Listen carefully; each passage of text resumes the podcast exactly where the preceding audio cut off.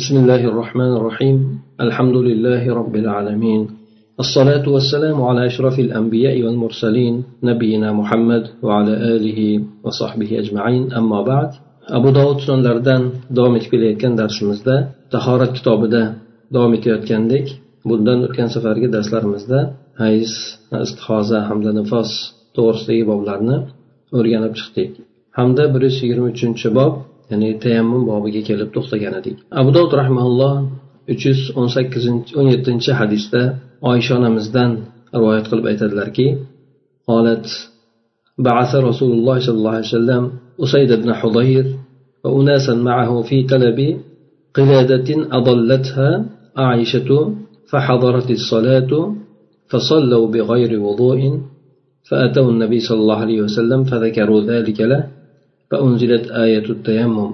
زاد ابن نفيل فقال لها أسيد ابن حضير يرحمك الله ما نزل بك أمر تكرهينه إلا جعله الله للمسلمين ولك فيه فرجا.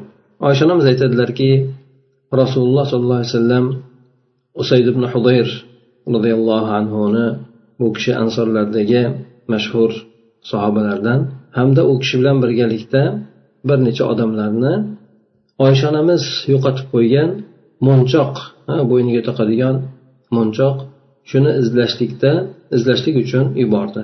Buni qissasi payg'ambar e, oysha onamiz payg'ambar sallallohu alayhi vasallam bilan birga bo'lgan holatlarda musulmonlar safardan qaytayotgan paytlarida payg'ambar sallallohu alayhi vasallam madinani tashqarisida bo'lgan madinaga bir o'n kilometr yoki o'n kilometrdan ziyodroq bo'lgan joyga yetgan paytda madinaga yaqinlashib qolgan paytida bir to'xtashlik uchun to'xtab bir dam olishlik uchun o'sha yerda biroz istirohat uchun to'xtashadi dam olish uchun to'xtashadi.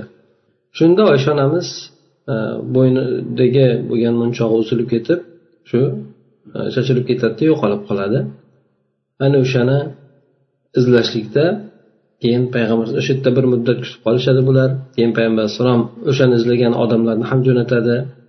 Ba'zilar istashadi ham o'shanda bularga namoz vaqti kirib qoladida madinaga yaqinlashib qolganligi uchun yo'lda suvlar ham tugagan bo'ladi. Ana o'shandan bular namoz vaqtini namoz vaqti bo'lib qolganligi uchun namozni tahoratsiz o'qiydi. Chunki u paytda hali tayammum to'g'risidagi oyatlar nozil bo'lmagan edi tayammum masalasi hali u paytda aniq emas edi. Shundan oysha onamiz aytyaptilar demak namoz vaqti hozir bo'lib qolgan edi bular tahoratsiz namoz o'qishdi. Ya'ni faqatgina tahoratni suv bilan bo'ladi deb bilishgan edi. Shuningdek davom etishayotgan edi. Bundan keyin bular payg'ambar sallallohu alayhi vasallamni oldiga kelishdida o'sha narsani payg'ambar sallallohu alayhi vasallamga xabarni berishdi. Ya'ni namoz vaqti bo'lib qoldi suv topolmadik. Shunday bo'yicha ya'ni tahorat qilmasdan namoz o'qiyverdik deb payg'ambar alayhissalomga uni xabarini berishdi. Ana o'shanda tayammum oyati nozil bo'ldi. Tayammum oyati ya'ni agar suv topolmaydigan bo'lsa tuproqqa qo'lni urib yuzi uchun va qo'li uchun tuproqqa uringlar degan oyat nozil bo'ldi. Bu rivoyatda bu hadisni yana bir rivoyatida ibn nufayl roviylardan birisi ziyoda keltiradiki usayd ibn hudayr roziyallohu anhu oysha onamizga qarata aytdilarki alloh taolo sizni rahmatiga olsin sizga siz yoqtirmaydigan biron bir ishni boshingizga tushadigan bo'lsa alloh taolo musulmonlar uchun ham siz uchun ham o'shandan bir muammoni hal qiluvchi narsa qilib beradi deb aytgan ekan. Faraj ya'ni qiyinchilikdan keyingi yengillik degani. Demak bu hadis tayammum oyati nozil bo'lishlik sababini zikr qilyapti. Tayammum ma'lumki o'zi arab tilida qasd qilishlik degan ma'noda bo'ladi. Shar'iy ma'nosida esa inson suv topolmagan paytida yoki suv ishlashlik zarar bo'lgan paytida tuproqni qasd qilishlik mana shu narsani tayammum deb aytiladi. Tayammumda boshqa hukmlari mana quyida keladigan hadislarda aytib o'tiladi. Bulardan mana uch yuz o'n sakkizinchi hadisda buni ammor ibn yosir roziyallohu anhudan rivoyat qiladi.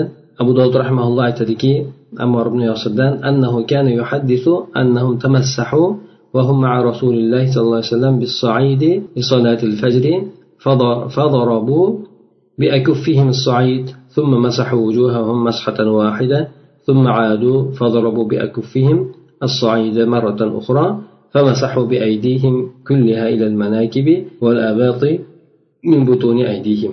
ammor ibn yosir hadis aytib beradilarki bular safarda payg'ambar sallallohu alayhi vasallam bilan birga bo'lgan holatlarida bomdod namozi uchun tuproq bilan sirkan sirpanishadi. Tuproqqa teginishadi. Qanday suratda mana tafsiliga kelib aytyaptiki bular kaflarini tuproqqa uradilar. So'ng yuzini siypaydilar demak qo'lini tuproqqa urib turib kaflarini o'sha olgan tuproqni bu rivoyatda demak yuziga siypashligini aytyapti. Bir marta siypaydi. Ya'ni tahoratga o'xshab uch marta yuvmaydi. So'ng yana qaytishadi o'sha narsaga. Qaytib qo'llarini yana tuproqqa yana bir marta boshqa bir marta uradida bu bilan qo'llarini hammasini to yelkalarigacha siypashadi. Qo'ltiqlarni esa qo'llarini ichki tomoni bilan ya'ni qo'lni kaftni ichki tomoni bor tashqi tomoni bor ichki tomoni bilan ichki tomonidan o'sha qo'ltiqlarigacha siypashardi deydi. Demak bu rivoyat o'sha tayammum qilishlik suratlaridan birini bayon qilib beryapti. Bu yerda demak ammor ibn yosir roziyallohu anhu yana bu kishidan boshqa fatvolar boshqa rivoyatlar keladi mana quyida. Lekin bu hozirgi mana bu hadisimizda aytayotganligi demak payg'ambar sallallohu alayhi vasallam bilan safarda bo'lgan holatlarida bomdod namozida suv topolmaganligidan tuproq bilan tayammum qilishlikka o'tishadi. Bunda bular qo'llarini tuproqqa uradi. So'ng tuproqqa qo'lni urgandan keyin o'sha yerda olingan chang bilan yuzlarini siypashadi. Bir marta siypaydi yana qaytib qo'lini tuproqqa uradida boshqa bir marta keyin qo'lini hamma yo'g'iga masx tortishadi siypab chiqadi. To yelkalarigacha to qo'ltiq ichki tomonidan esa qo'ltiqlarigacha mana bu demak avvalda bo'lgan tayammum qilishlik suratlaridan bittasi bo'lgan avvaldagi bu hadisga albo rahmaulloh sahih deb ishora qilgan ekan mana. Quyida demak boshqa rivoyatlar ham keladi. Tayammumni qanday qilishlik uslublari to'g'risida inshaalloh o'sha yerda aytib o'tamiz yana.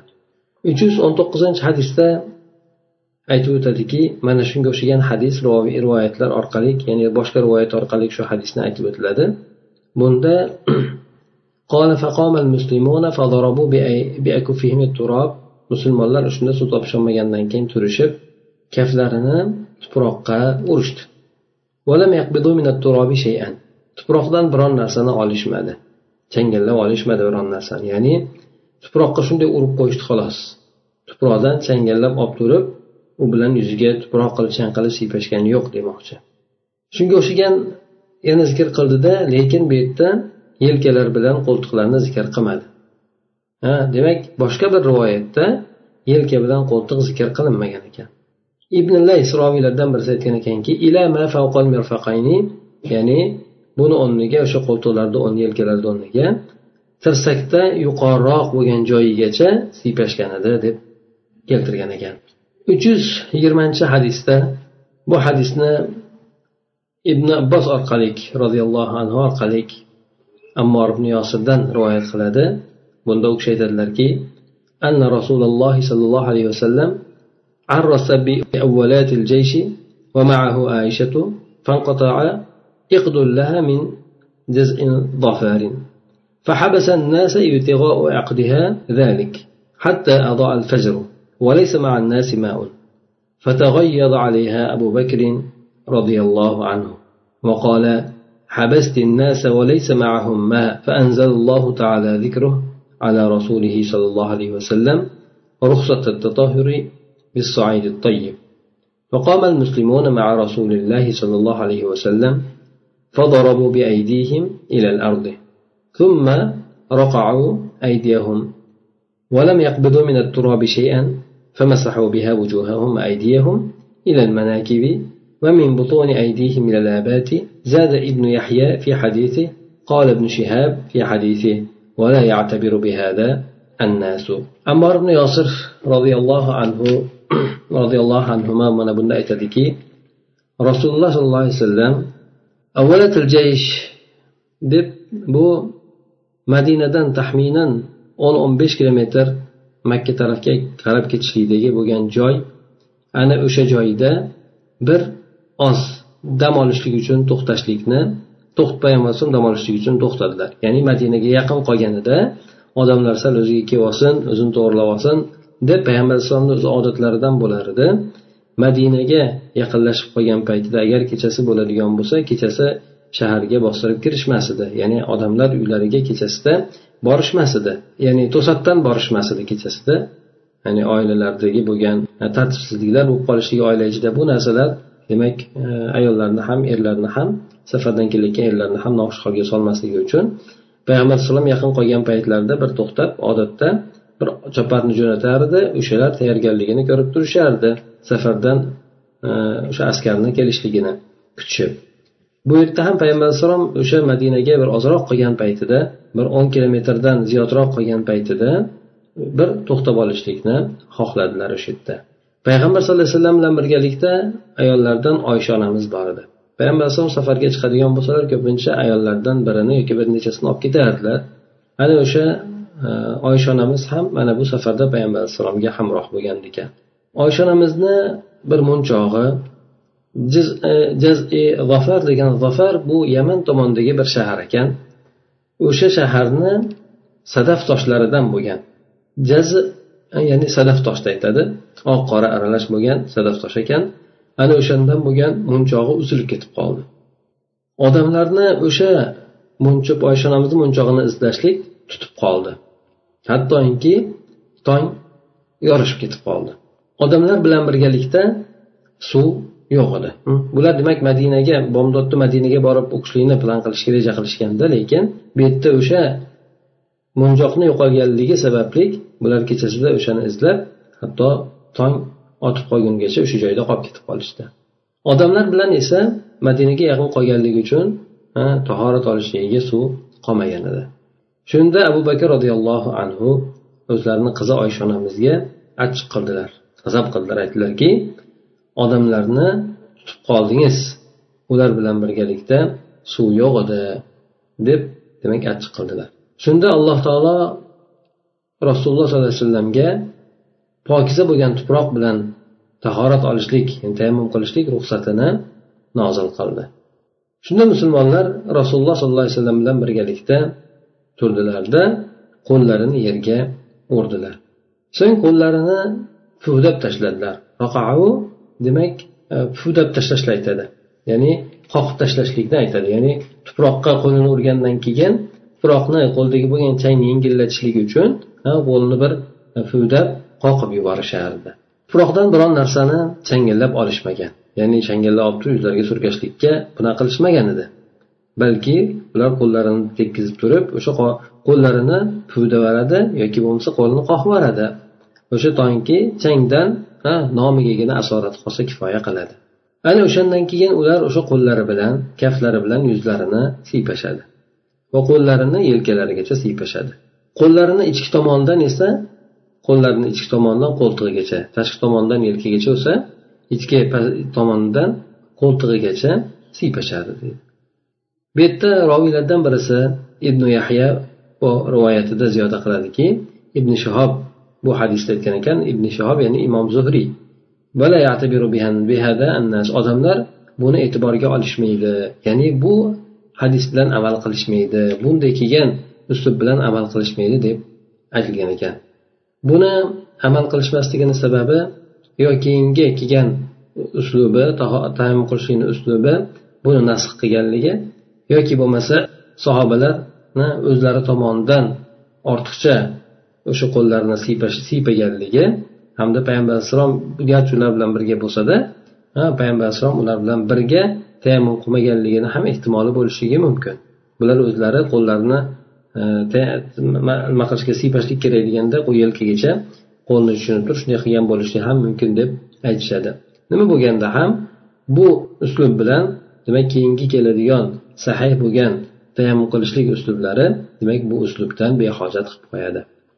Keyin mana bu rivoyatimizda e'tibor bergan bo'lsalaringiz yuqoridagi bo'lgan rivoyatda ikki marta qo'l urganligi kelgan edi. Bir marta yuzi uchun bir marta qo'li uchun edi. Endi bu rivoyatda esa ikki marta aytilmadi. Faqatgina bir marta ya'ni ikki marta ham bir marta ham aytilmadi lekin e, iboradan tushunishligi bir marta tushuniladi. Shuni borasida mana abu dovud rahimaulloh o'sha hadisni ostida oxirlariga yaqin aytib o'tadiki ya'ni undan oldinroq shakka fihi ibn uyayna shakka fihi ibn uyayna قال مرة عن عبيد الله عن أبيه أو عبيد الله عن ابن عباس اضطرب فيه مرة قال عن أبيه ومرة عن ابن عباس اضطرب ابن عيينة فيه وفي سماعه عن الزهري ya'ni bu rivoyatni aytib o'tadiki ibn uyayna bu kishi sufyon ibn uyayna rahmaulloh bu abu hanifalarni davrlarida mashhur olimlardan birisi bo'lgan muhaddis olimlardan bu kishi bir gal ubaydulloh otasidan ibn abbosdan deb rivoyat qilgan ekan. Ba'zan esa ubaydullohni o'zidan otasini tashlab turib ibn abbosdan deb rivoyat qilgan ekan. Mana shunda demak iztirob bo'ldi deydi iztiroba degani bir rivoyatda unday bir rivoyatda bunday qilib aytib o'tishligi. Bir rivoyatda iztirob demak e, hadisdagi zaiflik alomatlaridan birisi bo'ladi. Ya'ni tasabbutni sobitlikni ziddi iztirob degani ya'ni sobitlik degani aniq isbotini topgan degani iztirob esa aniq isbotini topmagan. Bu iztirob ba'zan matnda bo'lishi mumkin ba'zan roviylarni ichida bo'lishligi mumkin san'atda bo'lishi mumkin. Bu yerda demak san'atda bo'lyapti san'atda bo'lyapti. Ya'ni e, matnda bo'lishligi ba'zan bir hadisni payg'ambar alayhisalomdan deb rivoyat qilinadi ba'zan esa uni sahobiyni gapidan deb rivoyat qilinadi. Ana shunaqa bo'lgan rivoyatlar ham iztirob deyiladi bu matndagi iztirob deyiladi. Shunga o'xshagan mana hadis nima rivoyat keladiki payg'ambar alayhissalom hud va hudga o'xshagan suralar meni qaritib yubordi degan rivoyat bu iztirob deb bunda iztirob bor deb aytishadi. Bir payg'ambar alayhisalomni gapidan bir abu bakrni gapidan o'zini gapidan keltirib o'tishadi. Yana boshqa e, rivoyatlarda ham har xil keladi. Shunga o'xshagan demak e, iztirob demak zaiflik alomati bo'ladi chunki bunda bir qarorga kelolmasligi bir undek bir bundak rivoyat qilib qo'yishligi bu yerda ham e, ibn uyayna rahmaulloh ubaydullohdan u otasidan keyin ibn abbosdan deb rivoyat qilgani ham bor ekan. Ba'zida shu otasini tashlab turib to'g'ridan to'g'ri ibn abbosni rivoyatdan deb ham aytganligi bor ekan. Yana undan tashqari buni ibn uyayna bunda ham uni zuhriydan eshitganligida ham iztirob qilgan ekan. Ya'ni zuhriydan eshitganligida ham demak o'shandayki bir gal unday bir gal bunday rivoyat qilganligi. Bironta odam yana aytadiki ya'ni bironta roviylardan birontasi mana bu hadisda ikki marta urganligini zikr qilmagan. Illo man sammaytu men nomlarini keltirib o'tganlar yuqorida demak pastda hammani ishora qilib o'tyapti. Mana yunus ibn ishoq muammor mana shular ikki martadan urganligini aytishgan ekan. Qolgan bulardan ko'ra ko'proq bo'lgan roviylar bir marta urganligini zikr qilishadi. Ya'ni tuproqni bir marta urib mana shu bir marta urganligi ham yuziga ham qo'liga kifoya qilganligini aytib o'tishadi. Yana pastlarda rivoyatlar ham boshqa rivoyatlar ham keladi. Mana uch yuz yigirma birinchi hadisda bu hadisni shahiq degan tobein aytadiki كنت جالسا بين عبد الله بن مسعود وأبي موسى. فقال أبو موسى يا أبا عبد الرحمن أرأيت لو أن رجلا أجنب فلم يجد الماء شهرا؟ أما كان يتيمم؟ قال لا وإن لم يجد الماء شهرا. فقال أبو موسى كيف تصنعون بهذه الآية التي في سورة المائدة؟ فلم تجدوا ماء فتيمموا صعيدا. طيبا فقال عبد الله لو رخص لهم في هذا لأوشكوا إذا برد عليهم الماء أن يتيمموا بالصعيد. فقال له أبو موسى إنما كرهتم هذا لهذا؟ قال نعم. فقال له أبو موسى ألم تسمع قول أمار لعمر بعثني رسول الله صلى الله عليه وسلم في حاجة فأجنبت فلم أجد الماء فتمرغت في الصعيد كما تمرغ تتمرغ الدابة ثم أتيت النبي صلى الله عليه وسلم فذكر فذكرت ذلك له فقال إنما كان يكفيك أن تضع هكذا. فضرب بيدي بيده على الأرض فنفضها ثم ضرب بشماله على يمينه ويمينه على شماله وعلى الكفين ثم مسح وجهه. فقال له عبد الله أفلم ترى عمر عمر لم يقنع بقول أمار. imom buxoriy bilan muslim ham rivoyat ekan demak e, o'sha shaqiq aytadiki abdulloh ibn masud bilan abu muso ashar roziyallohu anhuni ikkalasini o'rtasida o'tirib qolgan edim. Shunda abu muso aytdiki ey abu abdurahmon mana abdulloh masudni kunyalari aytingchi aroyta degani aytingchi xabar beringchi degan ma'noda agar bir odam junub bo'lib qolsa bir oy suv topmasa bu odam tayammum qilaveradimi? deb so'radi. Abdulloh masud aytdilarki yo'q dedi. Garchi bir oy suvni topmasa ham tayammum qilmaydi dedi. Abu muso aytdiki moida surasidagi bo'lgan oyat bilan nima qilasizlar? Bu borada nima deysiz dedi. Agar suv topmasalar ular pokiza bo'lgan tuproqni qas qilinglar oyatni keltirdi. Abdulloh masud shunda aytdilarki agar ular uchun bu narsada ruxsat berib qo'yilaveradigan bo'lsa bunda ular agar ularga suv ozgina sovunlik qilib qoladigan bo'lsa ham tuproq bilan tayammum qilishlikka yaqin bo'lib qolishadi shunga o'tib ketib qolishadi. Deb javob qildilar. Shunda abu muso aytdilarki sizlar mana shu buni mana shu sabab uchun yomon ko'rgan ekansizlarda ya'ni yuqorida aytgandek tayammum qilmaydi degani demak mana shu maqsadda e, sizlar kerak ko'rgan ekansizlar yoqtirmagan ekansizlar bu narsani. Qola aytdiki ha dedi. Qola abu muso aytdilarki amborni umarga aytgan gapini eshitmaganmisiz? Ya'ni payg'ambar sallallohu alayhi vasallam meni bir hojat bilan jo'natgan edi. Junub bo'lib qoldim. Suv topolmadim keyin tuproqda xuddi bir hayvon yumalagani kabi bir yumalandim deb aytgan. Hayvonlar masalan ko'rasizlar tuproqda bir yumalanadi. Tuproq o'zini tashlab turib ana o'shanday qilib oldim deydi. So'ng payg'ambar sallallohu alayhi vasallamni huzuriga keldim. Bu narsani u kishiga aytdim. Aytdilarki sizga mana shunday qilishligingiz kifoya qilar edi deb qo'lini yerga urdilarda uni qoqib tashladilar. Ha qo'lini qoqib tashladilar. Yoki silkib tashladilar. So'ng chap qo'lini o'ng qo'liga o'ng qo'lini esa chap qo'liga urdi. Ya'ni qo'lni bunday ishqadi deganimiz. Ikkala kaftini ustidan bir biridan ishqaladi. Ya'ni bunday tuproqqa urib turib yana ikkala qo'lini bir biriga ishqaladi. So'ng undan keyin yuziga siypadi deydi. Abdulloh aytdiki umar umar shu ammorni gapidan qanoatlanganini ko'rganmidingiz ko'rmaganmidingiz deb so'radi. Ya'ni umar ammorni gapidan qanoatlanmaganligini ko'rmaganmidingiz deb keltirib o'tadi. Ya'ni umar o'zi buni mana pastdagi rivoyatlarda keladi hali. Ya'ni bu hadisda ikkita sahobiy bir biri bilan gaplashishyapti birisi birisiga savol qildi. Abu muso abdulloh masuddan so'radi. Bir odam junub bo'lib qoladigan bo'lsa suv topolmasa bir oy tayammum qiladimi bu odam deb so'raganda yo'q bir oy suv topmasa ham tayammum qilmaydi dedi. Nimaga endi bunday deyapsiz? Oyat boru suv topmasa pokiza tuproqni qasding topmasanglar pokiza tuproqni qasdinglar degan oyat boru dedi. Abdulloh masud aytdilarki agar ular uchun ya'ni safarda bo'lgan odamlarga yuvinish borasida g'usul qilishlik borasida mana shunga ruxsat berib qo'yiladigan bo'lsa ha shundaylar bular shu ozgina sovunlik qilsa ham tuproqqa tayammum qilishlikka o'tib ketib qolishadi degan nimani aytdi. Ya'ni odamlar judayam yengil olishaveradi. Shuning uchun odamlar bunga ruxsat bermaganligi oyati ruxsat berib turib bu kishi man qilayotganligi emas buni masalani birdaniga yengil olmaslik uchun bu kishi masalani sal qattiqroq e'tibor bilan qilishliklari uchun bu kishi allohu alam shunday deb javob qildi.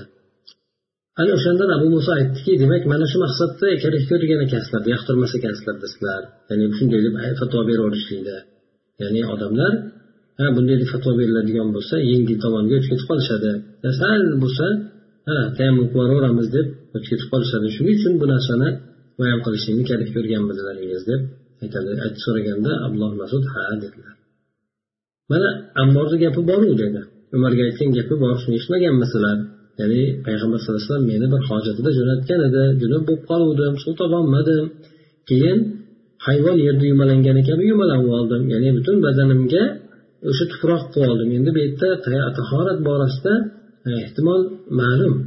E, tayammum qilishlik demak kifoya qilishlik.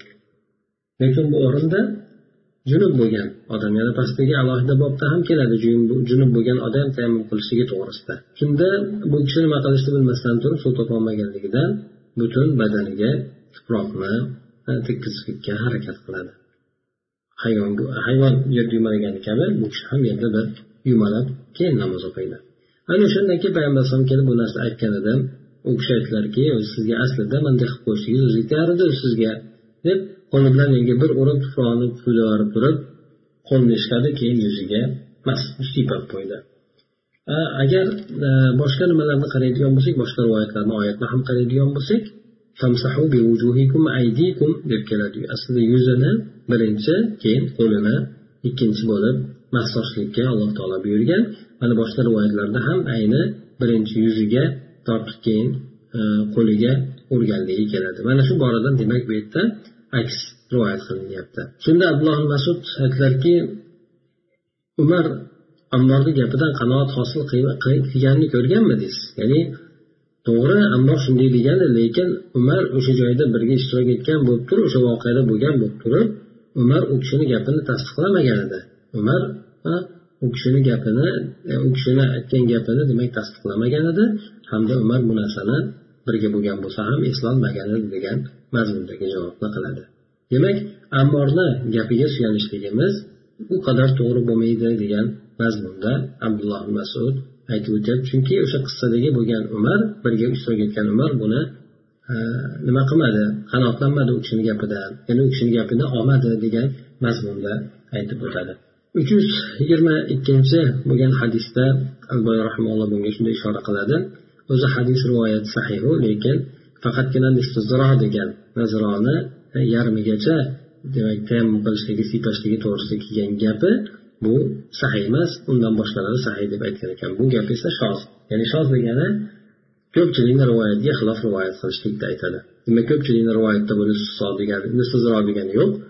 Buni qo'shilib qolganligi demak roviy tomon roviylar yo'li bitta bo'lganligi uchun bir yo'ldan bo'lganligi uchun bu narsani shoz deyiladi buni abdurahmon ibn abza degan odamlar rivoyat qiladi u kishi aytadiki كنت عند عمر فجاءه رجل فقال إن نكون بالمكان الشهر أو شهرين فقال عمر أما أنا فلم أكن أصلي حتى أجد الماء.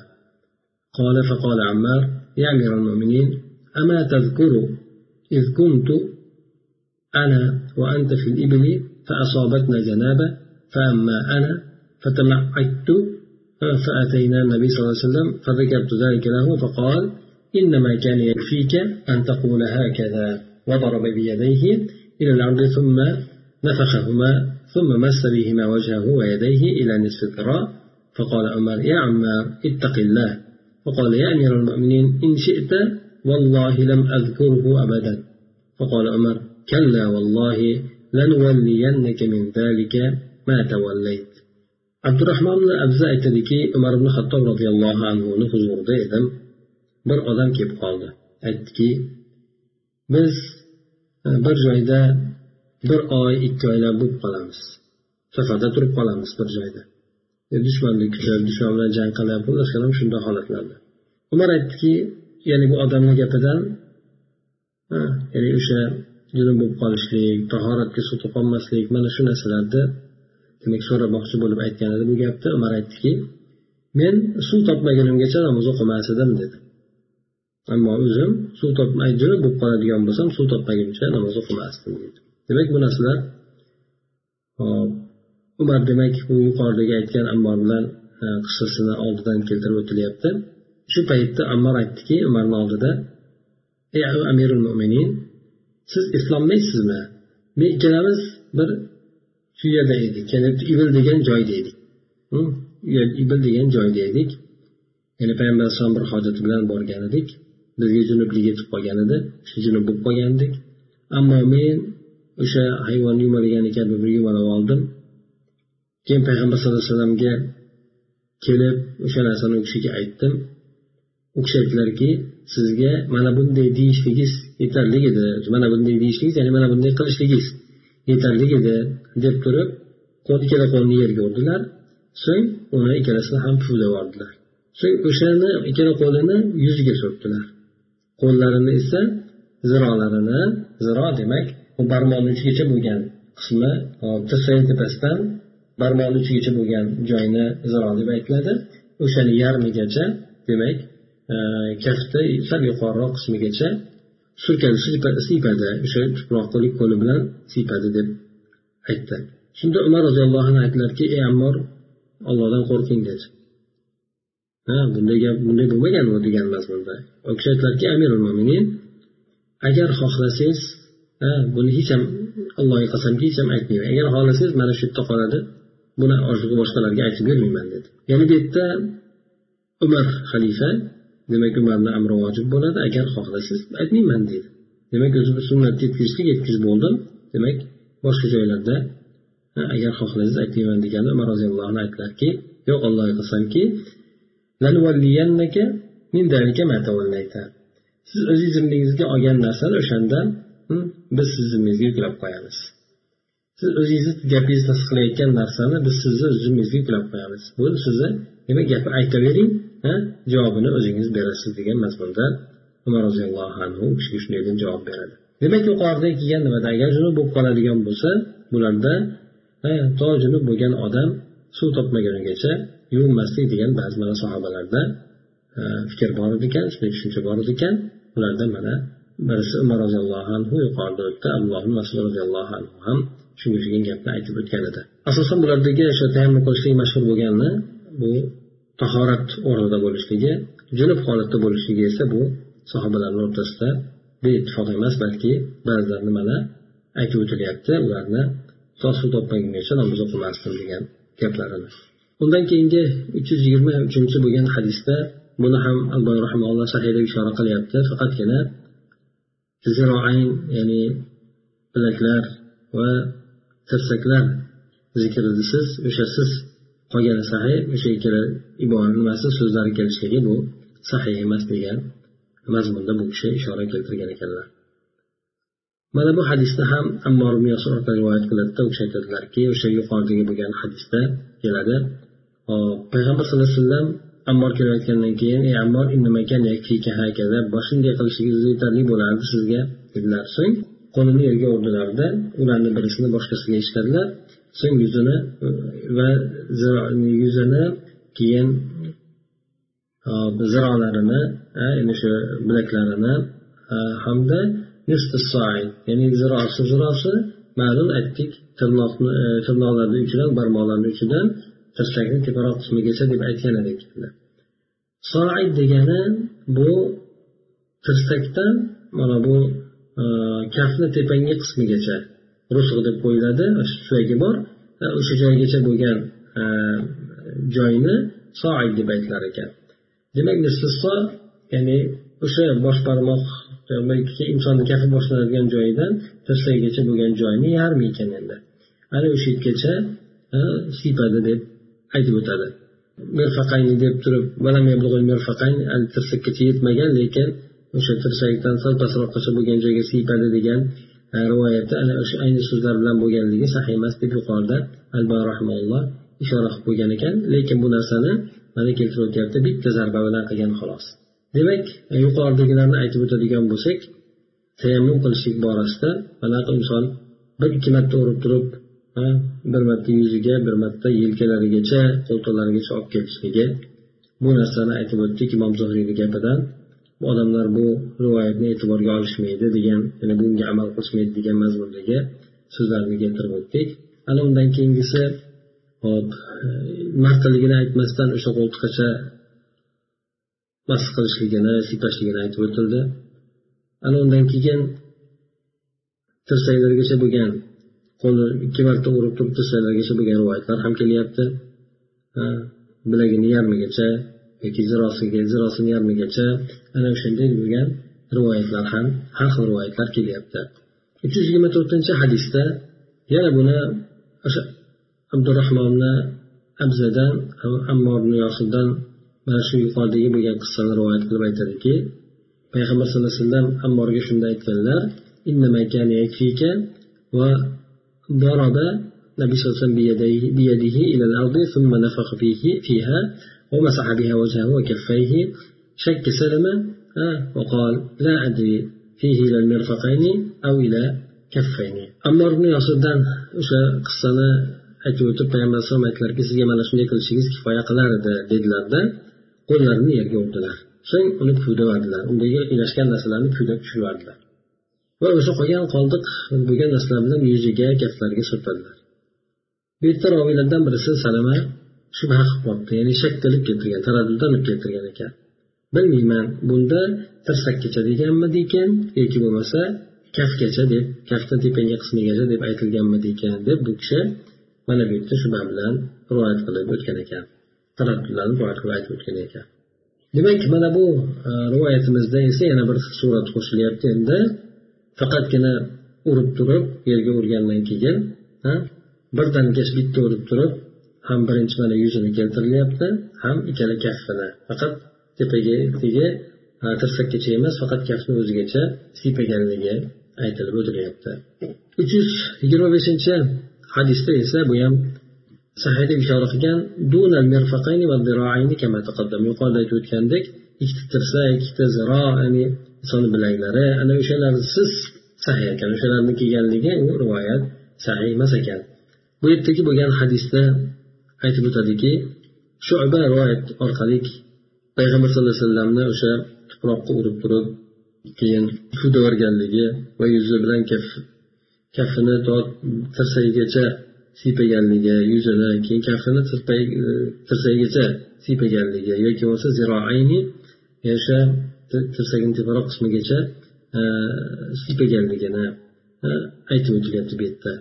Shunda roviylardan biri salama aytar ekanki kaftiga yuziga ziroayni ya'ni o'sha bilagiga deb aytar ekan birinchi kafiga keyin yuziga yana keyin e, bilagiga siypardi deb aytadi. Mansur degan haroviy unga aytgan ekanki bir kuni nima deyotganingga e'tibor qilgin chunki sendan boshqalar ziroayn degan so'zni aytishmayapti. Roviy rivoyatdagilar rivoyatchilar sizdan boshqa rivoyatchilar bular ziroayni degan so'zni keltirishmayapti faqat sizni o'zingizdangina bu narsa kelyapti shuning uchun e, e'tibor qiling rivoyat qilayotgan narsangizga qarang to'g'ri rivoyat qiling degan mazmunda aytib o'tgan ekan. Yana undan keyingi uch yuz yigirma oltinchi hadisda ham keltirib o'tadi. قال يعني النبي صلى الله عليه وسلم إنما كان يكفيك أن تضرب بيديك إلى الأرض وتمسح بهما وجهك وكفيك أساق الحديث sizga shunday qilib qo'yishligingiz kifoya qilardi deb qo'lini yerga urdilarda u bilan yuzini gaplarini siypab qo'ydilar demak bu yerda ham adadini zikr qilinmayapti ko'rinishdan bir marta urganligi ko'rinib turibdi. Undan keyin e, boshqa bir rivoyatda keltirib o'tadi. Ya'ni u fil demagan ba'zi mana rivoyatlarda ba'zilarda rivoyat nima qilgan? Fu degan deb ba'zilarda fu demagan deb degan ekan. Demak fu demagan degan so'z bilan kelgan rivoyati sahih emas deb alboy rahmaulloh ishora qilib o'tyapti. Uch yuz yigirma yettinchi e, hadisda keltirib o'tadi. Bunda payg'ambar ammor ibn yosirdan rivoyat qilinadi. U kishi aytdilarki payg'ambar sallallohu alayhi vasallamdan tayammum haqida so'ragan edim. U kishini menga u kishi meni shu narsaga buyurdiki bitta urishlik yuzga kaffangga ikkalasiga bitta yerga urishlikni aytganlar deb keltirib o'tadi. Hop undan keyingi hadis mana munkar deb keltiryapti demak bu zaif payg'ambar sallallohu alayhi vasallam tirsakkacha degan keltirib o'tgani bu zaif rivoyat deb aytilyapti. Demak mana shu yergacha bo'lgan rivoyatlar. Xulosasini aytadigan bo'lsak tayammumda yana hali tayammum masalasi pastda e, davom etadi hali. Bu yerda tayammumda har xil suratlari zikr qilindi. Rivoyatlar har xil suratda keldi. Hmm. bularda mana inson ikkita qo'l bilan urib turib qo'ltiqqacha yelkagacha qilganligi rivoyat jihatdan har qanday sahih keldiyu lekin bu rivoyati kuchli bo'lgan sahiy jihatdan judayam kuchli bo'lgan oxirida mana ammor yosir roziyallohu anhuni rivoyat qilgan rivoyati mana bunga demak sahiylik borasida barobar kelmaydi deb olimlar aytishadi. Yana imom zuhiy aytganlarki bu bilan amal qilishmaydiku ya'ni bu sahobalarni o'zlarini qilgan ishtihodlari orqali degan gapni ham ba'zi olimlar aytishadi. Ya'ni yelkagacha tayammum qilish e, siypashlik to'g'risida. Undan keyin tirsakkacha bo'lgan e, rivoyatlar ham keldi. Mana bu rivoyatlarni ham aytib o'tadiki bularda tirsakkacha bo'lgan rivoyatlarda ham olimlarni o'rtasida sahiy sahiy emasligi to'g'risida ko'p gap bor bu rivoyatlarda deydi. Ba'zilari sahiy degan bo'lsa ba'zilari sahiy demagan ekan. Hanafiy mazhabi ham ana shu e, shofiy mazhabi ham shuni olgan demak ikkita uriladi birisi yuzga alohida qo'lga alohida deb aytadi. Mana hanafiy mazhabida tirsakgacha deb keltirib o'tadi. Tirsakgacha e, tayammum qiladi deydi. Bu rivoyatda aytib o'tdik.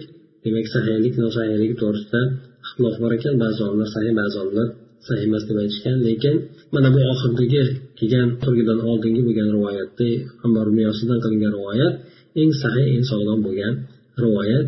E, demak tayammum borasidagi asosan ikkita hadis abu juhaym bilan boshida kelgan abu juhaym bilan e, ammor ibn hadislari sahih kelgan. Ular sahiyligi xosatan ammor ibn rivoyatini sahiyligi juda yuqori suratda shuning uchun boshqa rivoyatlar quvvat jihatidan bu rivoyatga barobar kelolmaydi deb aytishadi. Undan tashqari aytib o'tganimizdek boshqa rivoyatlarni sahiy nosahiyligi to'g'risida olimlarni o'rtasida ixtilof bor ekan. Ana o'shandan rojih suratda mabudni sohibi ham keltirib o'tadiki bu shu hadislarda aytib o'tilganidek kuchli bo'lgan hadislarda aytib o'tilganidek bir marta urib tuproqqa bir marta urib yuzini siypashligi o'shan bilan ya'ni yuziga bir bir marta turib qo'lidagi tuproqni kuydaveradi ikki qo'lni qoqib ana undan keyin yuziga e, bir marta siybaydida o'sha yuzidan olgandan keyin qo'lini xuddi suvda yuvayotgandek bir marta ishlab qo'yadi xolos. Ya'ni chap qo'lini tepasidan o'ng qo'lini tepasidan aylantiradi o'ng qo'lini chap qo'lini tepasidan bir aylantirib qo'yadi. Mana shu narsa tayammum deb e, kifoya qilaveradi. Ba'zi aytib o'tganimizdek ba'zi mazhablarda tirsakkacha olganligi bor. Bularni rivoyat jihatidan yuqorida mabud sohiba aytib o'tgandek e, bu rivoyatlar hammasi to'liq suratda sahih emas. Bu rivoyatlarda sahih nosahiyligi to'g'risida ixtiloflar bor deb aytadi. Ana o'shanda bitta rojihini e, mabudni sohibini e, bu abu dovudni sharhlarini sharhlagan muborak furiy rahmaullohni so'zlariga ko'ra rojih bo'lgani o'sha bir marta urib bu bilan yuzni siypashligi hamda qo'lini tursig'igacha ya'ni kafini tepadagi keladigan suyagigacha. Kafni o'zini o'sha qo'lni o'zinigina tepadagi bilak tomoniga o'tmaydi. O'sha o'zinigina bir marta bir birini ustun qilib turib chiqib qo'yadi qo'lni yurgizib qo'yadi. Mana shu rivoyat dalil jihatdan ham amal jihatdan ham shu kuchliroq deb aytishadi.